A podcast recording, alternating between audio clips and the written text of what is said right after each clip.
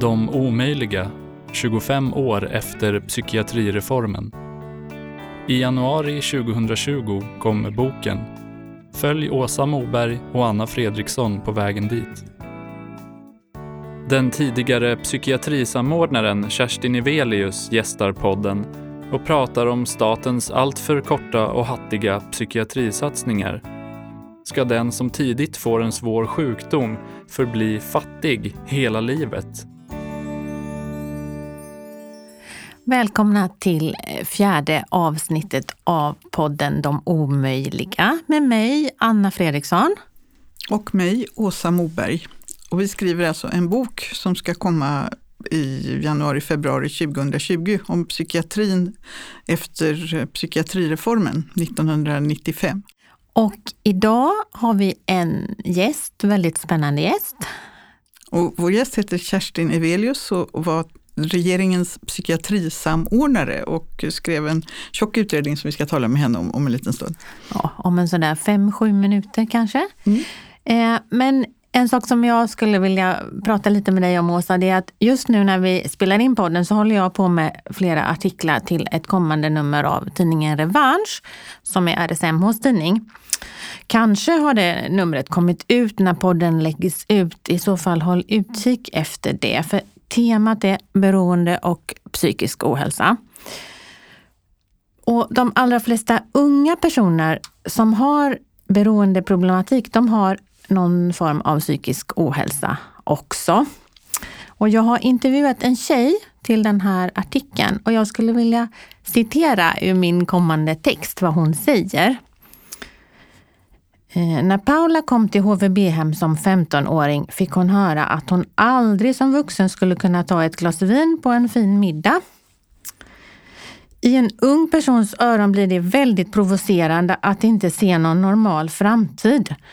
Jag hade blivit tagen av polisen för enstaka bruk, men de fick mig att se mig själv som en missbrukare. Långt senare fattade jag att jag hade behövt hjälp med helt andra saker. Det var så här att en vän till Paula hade gått bort och hon hade också andra trauman med sig. Sen säger, har jag skrivit så här också, eller kommer att skriva så här. Eh, Paula blev sämre av tiden på HVB-hemmet och den tolvstegsbehandling som hon fick där. Det är en metod som inte rekommenderas för unga av Socialstyrelsen. Och Paula tänker att den kanske passar för vissa vuxna som har haft ett allvarligt missbruk under en längre tid, men för henne passade den inte alls. Den passar ju inte för alla vuxna heller, men för somliga är den väldigt bra. Ja, precis. Men då säger hon så här, jag hade inte räknat bli att bli satt på HVB-hem med heroinister. Tack vare att min mamma kämpade så kom jag därifrån efter tre månader. Det här att hon är på något ställe där hon blir sämre, det är ju tyvärr ganska vanligt. Det är, och sorgligt. Ja, väldigt. För samma artikel så har jag också intervjuat en forskare om vad som är bra behandling för unga och vad man ska tänka på just när det gäller unga. Och när hon, hon fick läsa vad Paula hade sagt och då skrev hon så här till mig i mail till mig, för hon blev så upprörd. Hej Anna, vilken fruktansvärd historia. Jag blir så jävla arg när jag hör om sånt. Så mycket skit vi utsätter personer med missbruk beroende för och sen hänvisa till att de inte vet sitt eget bästa. Hälsa tjejen i artikeln det från mig om du pratar med henne. Ja, varför skulle man inte veta sitt eget bästa för, för att man dricker för mycket eller använder droger? Alltså det är väldigt Eh, jag tycker ändå att jag märker på fler och fler håll den här känslan att man måste lyssna på människorna och att de flesta har någon uppfattning om sitt eget bästa. Men det är ju inte, eh, det är inte alltid som man kan leva efter det där som är ens eget bästa. Men den här uppfattningen som många har att missbruk skulle vara något som människor ägnar sig åt för nöjes skull, det har jag aldrig förstått överhuvudtaget. Min personliga övertygelse är ju att alla missbrukare har en psykiatrisk eller en psykisk, psykiskt lidande i grunden eller något trauma som, som, eh, och, och som ofta ingen ser därför att eh, i missbruksvården förbises det ofta. Och, och, och beroendevården, om man får någon överhuvudtaget, för det är väldigt svårt. Mm. Och speciellt varför ska man inte lyssna på unga? Nej. Det är inte den här gamla idén om att, alltså det känns som slags förmyndarsamhälle mm. som vi har. Om vi ska ta in Kerstin Evelius så är det ju så att i den här psykiatri... Du måste först till att börja med tala om vad den heter. Den har en lång och svår titel mm. men väldigt bra. Ja, jag föll för den eh, jättemycket. Jag fick det i ett mejl av en, en kompis som är professor i psykiatri och han skrev när han hade läst den och då skrev han för att börja med något nytt måste man sluta med något gammalt. Jag tycker det är bra då, då bestämde jag att då får den heta det. Det är långt men det, jag tycker det är väldigt, det är liksom lite det det handlar om på något sätt. Ja, om man vill söka den på nätet som man ju kan göra då ska man söka efter SOU 2018 90 är det inte så? Ett, måste vara ett, nej, nej usch, jag kommer inte ihåg faktiskt tyvärr. Ja, ja det kan vara ja, 90, nej, 89, tror, 90. Nej, jag tror, ja. för jag har nu skrivit det så många gånger så jag ja. tror att det är rätt. Men därför den där titeln är så lång så mm. den kommer man inte komma ihåg. Men, men det kan vara, man, eh, för den som är intresserad av eh, tankar kring psykiatrin hur den fungerar och inte fungerar så är det ju intressant att, att eh, titta, alltså man måste ju inte läsa hela, men man kan scrolla igenom den för det finns många intressanta tankar. Men ditt grundperspektiv uppfattar jag som väldigt kritiskt. Har jag, har jag... Ja, många uppfattar det så. Jag tycker ändå att det är hyfsat vi tog det hyfsat lugnt i det där. Men, nej men det, jag, är, jag tänker så här att det har liksom, vi har haft vad är det, åtta, nio satsningar sedan 1995, sedan psykiatrireformen som vi tittar tillbaka på. Eh, och jag tycker att det är väl jättebra att de där satsningarna har funnits där därför att de, de reflekterar på något sätt någon slags ambition och att man ser den här gruppen och så. Problemet är att de är korta och hattiga. Så att det blir som inte, det är svårt att se om det blir några effekter av det eller inte. Liksom det är svårt att hålla i och bli analytiska och eh, och, och liksom få en rörelse som är som är beständig. Det är det som är problemet. Har, det finns många formuleringar av den här typen. Att man får en temporär förstärkning i ett system som skapar brister i ett annat. Mm. Eller att systemanalys saknas. Mm. Eh, och att staten med sina extra anslag, och, och, även när det uppgår till en miljard om året som låter imponerande, men du skrev i en presentationsartikel mm. att de är i princip bortkastade därför att alltså staten medverkar till att kortsluta lokala och regionala prioriteringar. Och, mm. och, statliga satsningar kommer in som en störning känns det som när man läser. Ja men de gör det, därför att jag tyckte initialt att det var ganska bra. När jag började jobba 2012 med det här, det lät ju jättebra att man förstärker. Problemet är att när man, nu jobbar jag faktiskt åt ett landsting, det är 22 olika statsbidrag som de hanterar som egentligen vänder sig till, ja men det är lite förlossningsvård, lite kvinnor och lite barn och lite funktionsnedsättning. Det är lite allt möjligt. Så till slut har du ju sagt att allt, allt är prioriterat och det satsar vi pengar på. Och då har du 22 satsningar som då ska hanteras på en region. Eller i en kommun ännu värre. Som är blir det 22 tjänster eller hur? hur? Det är väl det det blir också, skulle jag säga faktiskt. Hjälp. Mm. Och hur skulle man göra istället då, tycker du? Nu, alltså egentligen så har jag, jag, har ju, jag tyckte ju som sagt att de här riktade statsbidragen var ganska bra när jag började. Sen tyckte jag nog inte att de var lika bra på slutet med tanke på hur många sådana kortslutningseffekter det blir.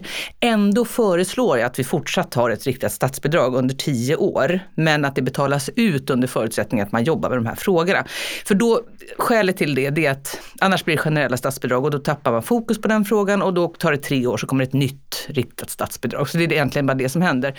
Så att då är min lösning ändå ganska pragmatisk, att det ska vara förutsägbart, du ska kunna göra investeringar. För det är också ett annat problem med de här statsbidragen, de är ettåriga. Så du kan ju inte anställa människor, du kan inte anställa händer, du kan inte... Du kan inte skaffa lokaler ens? Nej, nej, nej, precis. Va, Utan du kan, kan gå i lite utbildningar, det är i princip det man kan göra. Lite projekt kan du också ägna dig åt, för de, där är ju inte folk fast anställda. Så, men det är ju helt hattigt faktiskt. Ja, det är hattigt. Ja. Det är väldigt hattigt. Men, men har, du fått någon, eh, alltså, har du fått något gensvar? Har, har någon sagt att det här var ju klokt påpekat? Eh, eller? Ja, det har de. Bland annat, jag har pratat med, med riksdagsledamöter om det här och alla de säger ju, tycker jag, liksom, mellan skål och vägg att Eh, nej men vi vet att det här inte är särskilt bra. Men eh, har du något bättre, faktiskt, det här är, det här är ordagrant, jag behöver inte säga vem det är, men eh, har du någonting bättre att komma med som ryms på tre meningar i Agenda? Och det är lite, ja, det är lite så det är. Det måste vara lite press, jag har ju använt det där pressmeddelande kompatibla lösningar. Eh, och det där är väl liksom, och det skulle jag inte lasta politikerna för, utan de lever ju i den världen där, där Alltså också faktiskt att satsar du en miljard så får, du, så får du en rubrik på det. Men ingen kommer tillbaka fem år efter och frågar vad hände med den där miljarden egentligen? Så att den signalerar dådkraft men, men, men ingen följer upp egentligen. Eh, jag måste då fråga, den miljard som du uh, föreslår för de kommande tio åren, mm. du, du, har ju då uh, spaltat upp hur den ska användas också. Mm. Alltså, och jag fäste mig då vid en sak där jag kände mig lite kritisk, det var en av de få saker där jag kände att det här undrar jag verkligen över. 20 miljoner till anhörigverksamhet. Det tyckte jag var... 20 miljoner till anhörigverksamhet? Ja. Det, det, på sidan 296 vill jag bara säga. man, ah, 600 miljoner. har jag glömt. Ja, vad, ja. vad, är det för någonting? Alltså, ja, nej, men, ja, det undrade jag också. Men det, är, det, är den, det är det enda anslag där ordet anhörig finns nämnt. Och de andra var ju på typ 600 miljoner och 300 miljoner och 50 miljoner. Och, ja, det, här var det, det här var den minsta, det här var den minsta punkten för den där tioåriga miljarden för framtiden. Men nu blir jag helt, så här, nu blir jag helt yr. Och, vad, ja, men då, då, vad, vad är då, behöver, vi, då ja. behöver vi inte fördjupa oss i den. Men, men den för alla som är intresserade kan, kan kolla på sidan 296. Men därför att eh, det är ju eh, jag skulle då fråga, eh, för det står så här, eh, de, det här, och det här är ett citat, jag vet inte från vilken sida. De allra viktigaste, det allra viktigaste är emellertid att i alla delar inkludera patienter, brukare, närstående och övriga användare av det allmännas tjänster i problemformulering och prioritering på området. Mm. Och det är ju väldigt klokt formulerat. Men, men där undrar jag bara då, för det mesta brukar det vara de anhöriga som saknas, men de är faktiskt med här. Ö, närstående uppfattar mm. jag som anhöriga mm, och övriga användare. Men personalen, var kommer de in? Är de med i övriga användare eller? Ja, både och. Jag tänker så här att jag tror att vi måste vända lite på det. När, när det kommer just till problemformulering och prioritering, då är det användarna, tycker jag, som, som liksom bäst, har bäst koll på vad, vad behöver göras. Sen kommer vi till personalen, då är det ju hur. Men jag tycker att man ska ha ett problemformuleringsprivilegium ändå som användare av tjänsterna faktiskt. Alltså vadet måste vara användarnas och huret är, är, är liksom personalens och professionens. Så mm. tänker jag. Jag vet att du, har, att du hade lyft fram det här med brukarrevisioner mm. eh, när vi pratades vid någon gång tidigt under ditt uppdrag. Eh, och som ett sätt att lämna över makten. Mm. Eh, har du, är det någonting, har du lyft det i rapporten eller hur, hur, hur konkret ser du att, det här ska, att användarna ska få något inflytande? Men vi, ja, vi har valt att göra det på ett annat sätt. Jag var med i den här Milton-utredningen också 2003-2006 och då hade vi över 130 olika förslag och bedömningar. Och de var ju på bruk, bland annat brukarrevisioner, handikappersättning för personer med långvarig psykisk funktionsnedsättning. Väldigt specifika. Eh, och jag känner att det är ingen idé att lägga så specifikt. De är lagda de förslagen och de är bra. Så att vi valde att istället så här, hur ska vi tänka kring den långsiktigt hållbara strukturen? Sen tycker jag då, alltså, och det finns väl den formuleringen att vi måste ha mer patienter brukare i problemformulering och prioritering. Eh, och sen vet jag inte hur, för jag vill ju också, jag, jag vill ju följa upp det, jag vill ha resultatmål på, på, på befolkningsnivå. Men sen måste vi ha mått på utfall. Alltså vi måste sluta mäta på produktion, för det är så vi mäter idag. Hur många sippar har ni gjort? Alltså den typen. Men jag vill veta hur går det för de som får de här, hjälp, får de här tjänsterna? Och där är ju brukarrevisionen jättebra. Tänker jag. För där blir det liksom på riktigt. För där är återigen att då ställer man kanske mer rätt frågor faktiskt. Det är min erfarenhet i alla fall. Du, det här med resultatmål är ju jätteintressant. Hur kan man förklara att det inte finns, alltså, att det inte finns formulerat, att det inte finns statistik, att det inte finns något att bygga på egentligen när man ska mäta? Ja, jag tror att man, förklaringen till det, det är nog att det är så svårt. Därför att jag har varit med i kanske två eller tre eller fyra sådana projekt. Eh, bland annat när jag jobbade på Schizofreniförbundet som sån företrädare och sådär. Det blir så himla svårt därför att det, det, dels så, vi vill ju mäta då socialtjänstens och psykiatrins insatser på något sätt. Eh, och så vill vi mäta resultat. Problemet är att då finns det ju en eh, sekretessvägg däremellan. Eh, så då kan, får vi mäta antingen psykiatrin eller socialtjänsten och då blir det ju ganska, alltså då blir det lite navelskåderi av det hela. För, för, för patienten eller brukaren så är det ointressant vem som lyckas eller misslyckas eller vem som gör vad, utan vi måste lyckas tillsammans. Och det är därför tror jag det har blivit så svårt att göra de här att formulera de här måtten. Plus att sen finns det ett problem till då om jag ska vara helt ärlig och det är att det kommer alltid in en massa forskare i de där eh, och som vill ha sina, som vill ha sina saker belysta och det här måste ni samla in och då blir det så oändligt mycket parametrar som man ska samla in. Eh, faktiskt. Men eh, alltså för en, för en vanlig, eh, om man säger om min utgångspunkt och Annas också är en, en journalists utgångspunkt, så mm. tycker man ju att det skulle gå att göra en, en journalistisk intervju med eh, ett slumpmässigt urval av patienter mm. som kunde berätta hur det har varit och hur det har gått. Mm. Eh, för det är ju ingen som gör.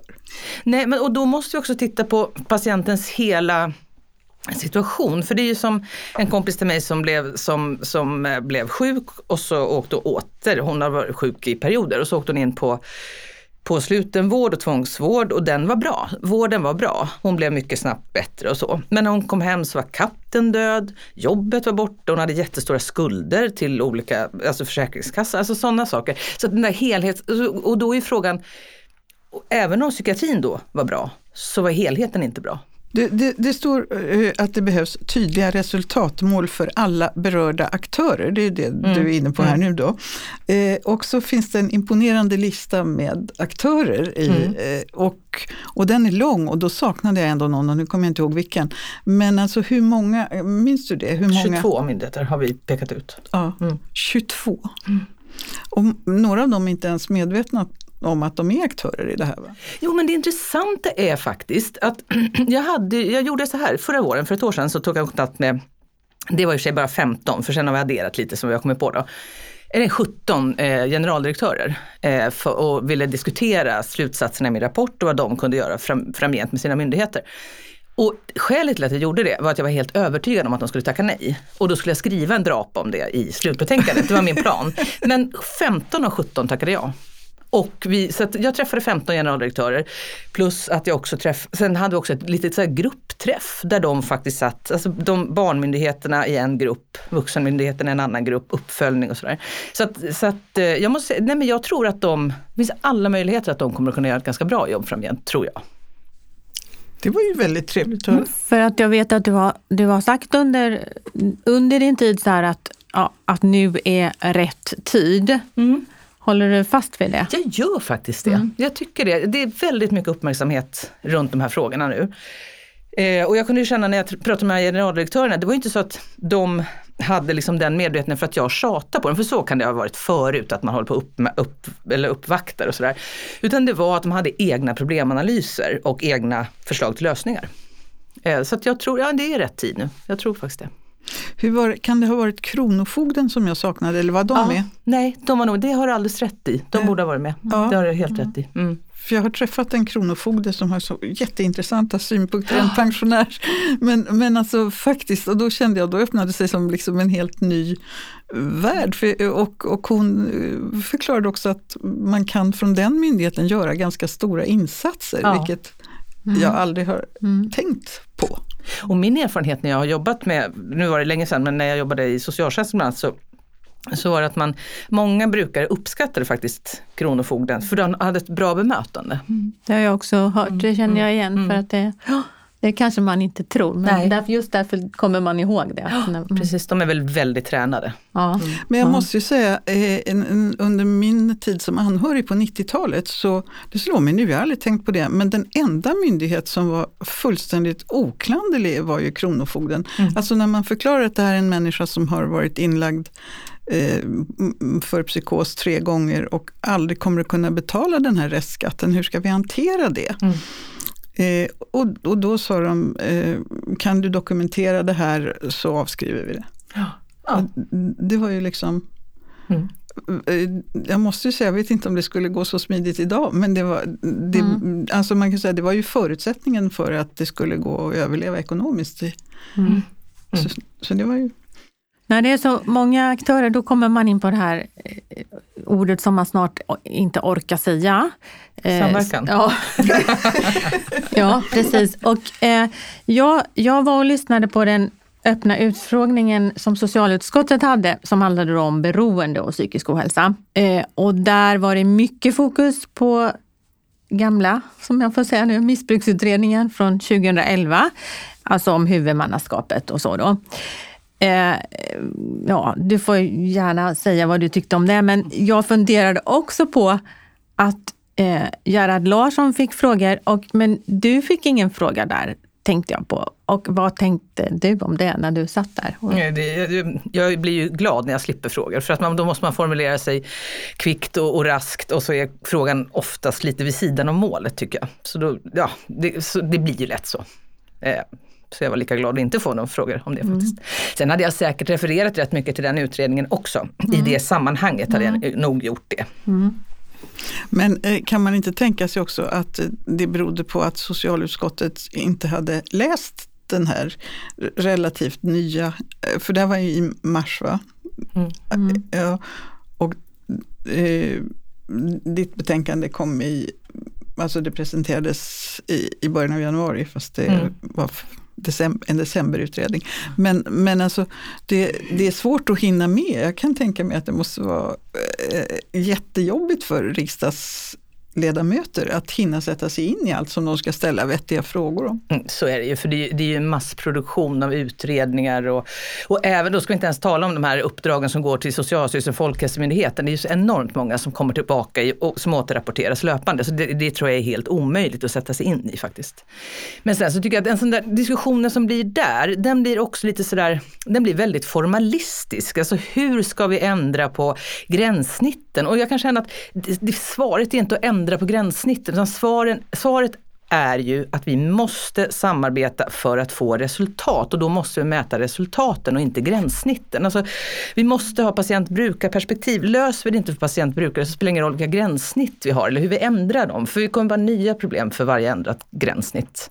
Får jag fråga då, eh, det här måste kanske vara en gränssnittsfråga. Det här med, jag, jag, jag har försökt då i vårt bokarbete att utreda hur det förhåller sig med sådana idéer som till exempel tanken på händelseanalyser i självmords eh, fall och eh, det, kom, det förslaget kom upp i, i Dagens Medicin i mars i ett debattinlägg och då ringde jag Folkhälsomyndigheten och Socialstyrelsen och ingen gör händelseanalyser och ingen, eh, ja det verkar som det, de ena tycker att de andra skulle göra det och de andra tycker inte. Och Socialstyrelsen tycker alltså uppenbart att detta är Folkhälsomyndighetens Alltså suicid är Folkhälsomyndigheten. Och då... men du förstår, förlåt, men du förstår ju själv varför det blir så svårt att jobba längst ut i kapillärerna när de inte när kommer de... överens om sina egna gränssnitt. Eller, eller gränssnitt, inga gränssnitt, de ska samarbeta. Det är två delar. Alltså det är klart att de har ett delat ansvar i det där. Ja, vem, på vem, vem har ansvaret för att upplysa dem om det? Så att säga? Det. Alltså det, det, det är det här som också blir så bakvänt. Det är det här som är svårt med de här myndigheterna för att de är stora. De är väldigt uppdragsstyrda. De får ju enormt mycket regeringsuppdrag. Särskilt Socialstyrelsen får ju kopiöst mycket. Så att de har svårt tror jag att liksom ta egna initiativ. Det blir svårt därför att de liksom peppras med, med regeringsuppdrag. Eh, men det står ju i deras instruktion att de ska samarbeta med andra myndigheter. Eh, samtidigt så skickar vi ut, eller så skickar regeringen ut uppdrag där det står att de ska samarbeta med andra myndigheter. Så att det ligger i deras uppdrag men det är ju inte något hårt straff på att inte göra det kanske. Det är väl så. Mm. Eh, kanske. Ja. Men jag tror, din utredning föreslår att ansvaret ska ligga hos Folkhälsomyndigheten, mm. är det inte så? Mm. Men det ligger inte formellt där än? Eller ska... Nej, skälet till att jag vill att det ska ligga hos Folkhälsomyndigheten är att vi säger att det ska ligga som en prioriterad del under folkhälsopolitiken som är antagen i riksdagen redan. Och där är Folkhälsomyndigheten eh, den samordnande myndigheten. Så det är mest logiken där ja. egentligen. Jag tycker att de är bra på Folkhälsomyndigheten just nu. Jag tycker de är faktiskt väldigt duktiga. Så det, jag gillade också den idén, att de skulle ha det ansvaret.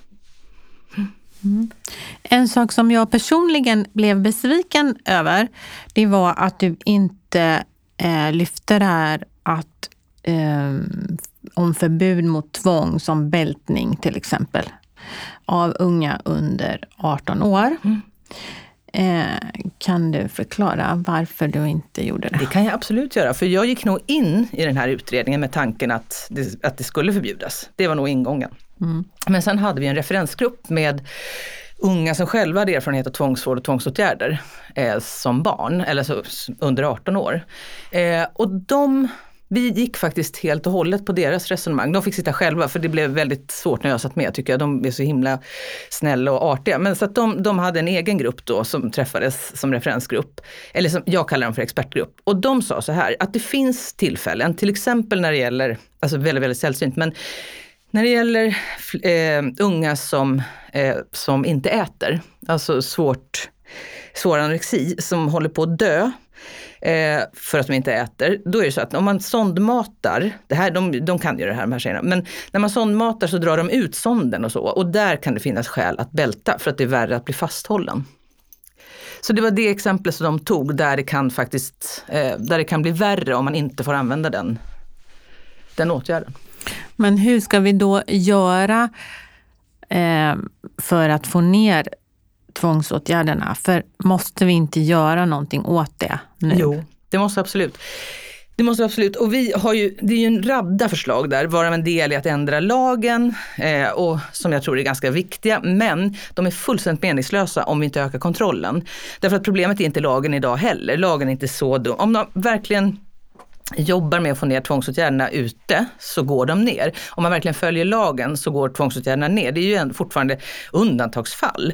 Eh, så att, men det som jag skulle säga nyckeln i vår utredning det är den här kontrollfunktionen som man då motsvarande har i Norge som är inne varje månad på alla avdelningar och tittar på hur de jobbar med tvång och går igenom alla hur, tvångsåtgärder. Hur mycket större är den kontrollmyndigheten jämfört med våra då? Ja, de, det ligger liksom på något konstigt sätt så att den, det, det liksom, man skickar ut folk, man har som team som går ut då, också med med personer med egen erfarenhet och eller anhöriga som går ut och tittar. Och då gör man väl det på uppdrag. Men vi hade ju en finansiering av det där och jag tror att vi, skulle, vi räknade med det skulle kosta 10 miljoner per år eller någonting sånt där. Det är inte jättemycket ändå. Det vore det väl verkligen värt. Ja, verkligen. När du nämner Norge, då ska jag ta upp min favoritfråga om Norge. Det här. I Norge finns det medicinfria eh, vårdplatser i slutenvården i alla de sju sjukvårdsområdena.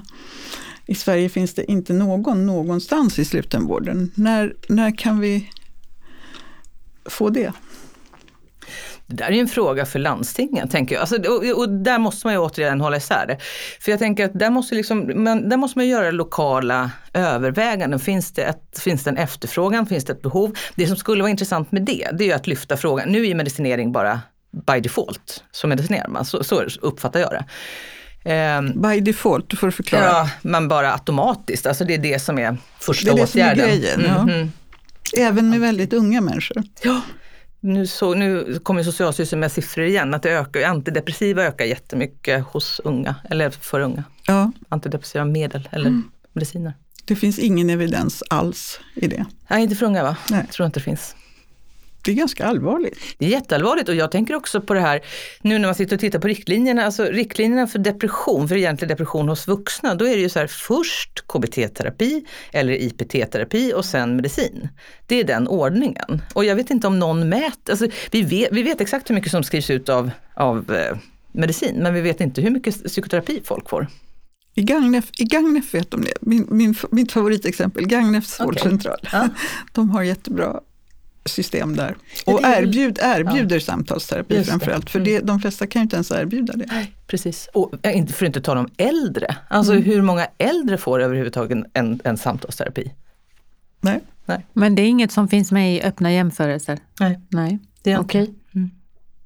Och vet du varför då? Eller jag tycker att öppna jämförelser kan ha med massa, men jag vet, öppna jämförelser är ju ett monstrum, om man ska, ja, tycker jag. Precis. Eh, och om du tittar på öppna jämförelser, för det första på psykiatrisidan så får de ju inte in särskilt mycket uppgifter överhuvudtaget och de är bara medicinska.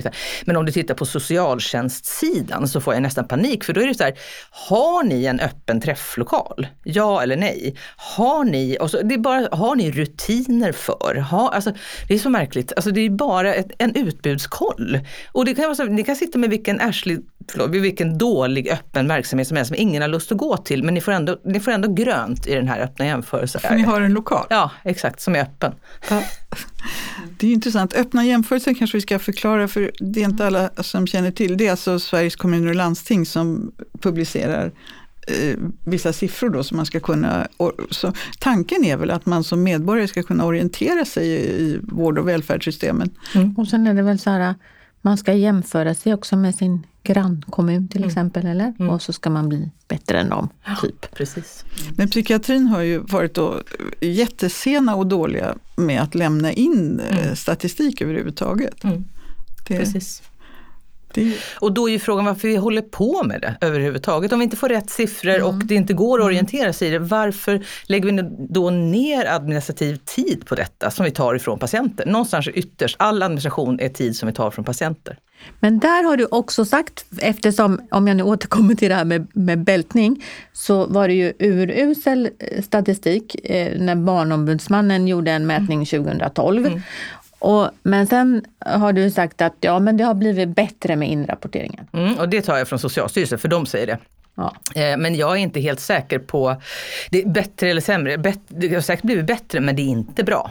Det är jag helt övertygad om att det, det stämmer inte de siffrorna som finns där. Även om det, siffrorna är för låga i så fall. För Ja, det de- finns de väl är ingen absolut. anledning att misstänka att de är fel åt andra hållet. nej, utan de är för låga. Eh, Och det där ser jag mer exempelvis. Alltså, eh, jag vet att i Malmö så har de ju minskat sina tvångsåtgärder med 90 procent. Eh, men då utgår de från en siffra som jag inte alls känner igen, för den finns inte i Socialstyrelsens statistik. Så.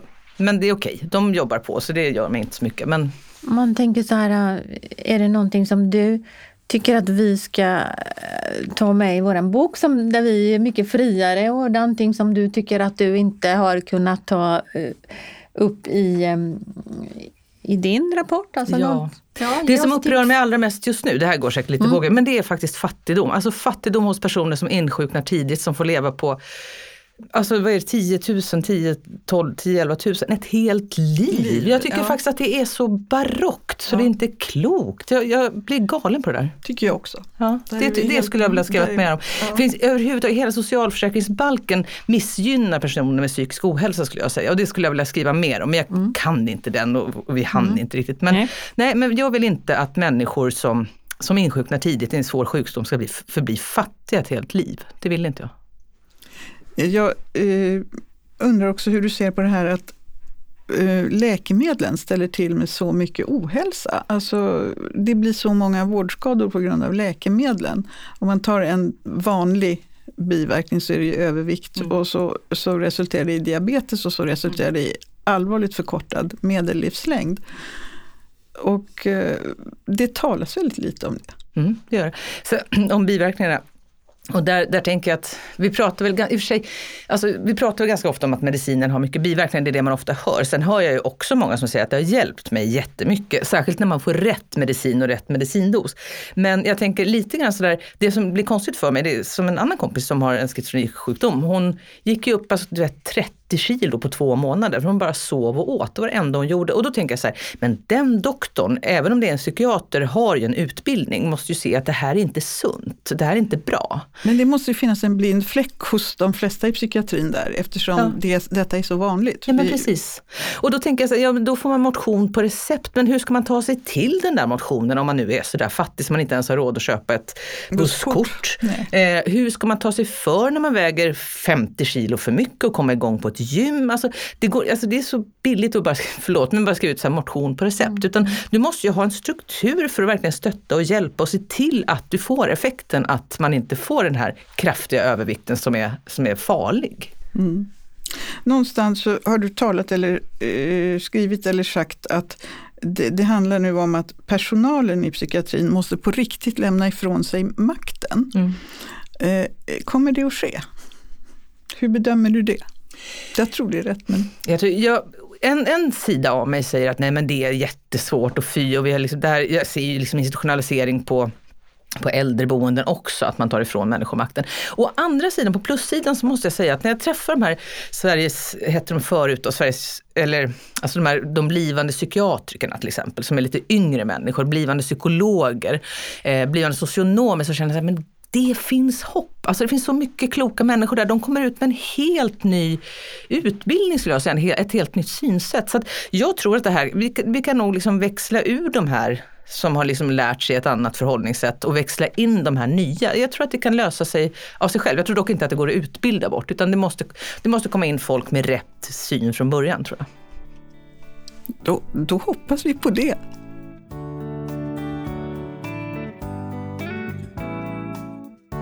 Du har lyssnat på De omöjliga med Åsa Moberg och Anna Fredriksson. Gäst i programmet var tidigare psykiatrisamordnaren Kerstin Evelius. Ljudtekniker var Charles Eggers, producent Jeanette Malkan och inspelningen gjordes på Natur och kultur. Musiken är specialskriven av Mårten Moberg. Vill du dela med dig av dina tankar efter att du lyssnat? Skriv gärna till det omöjliga nok.se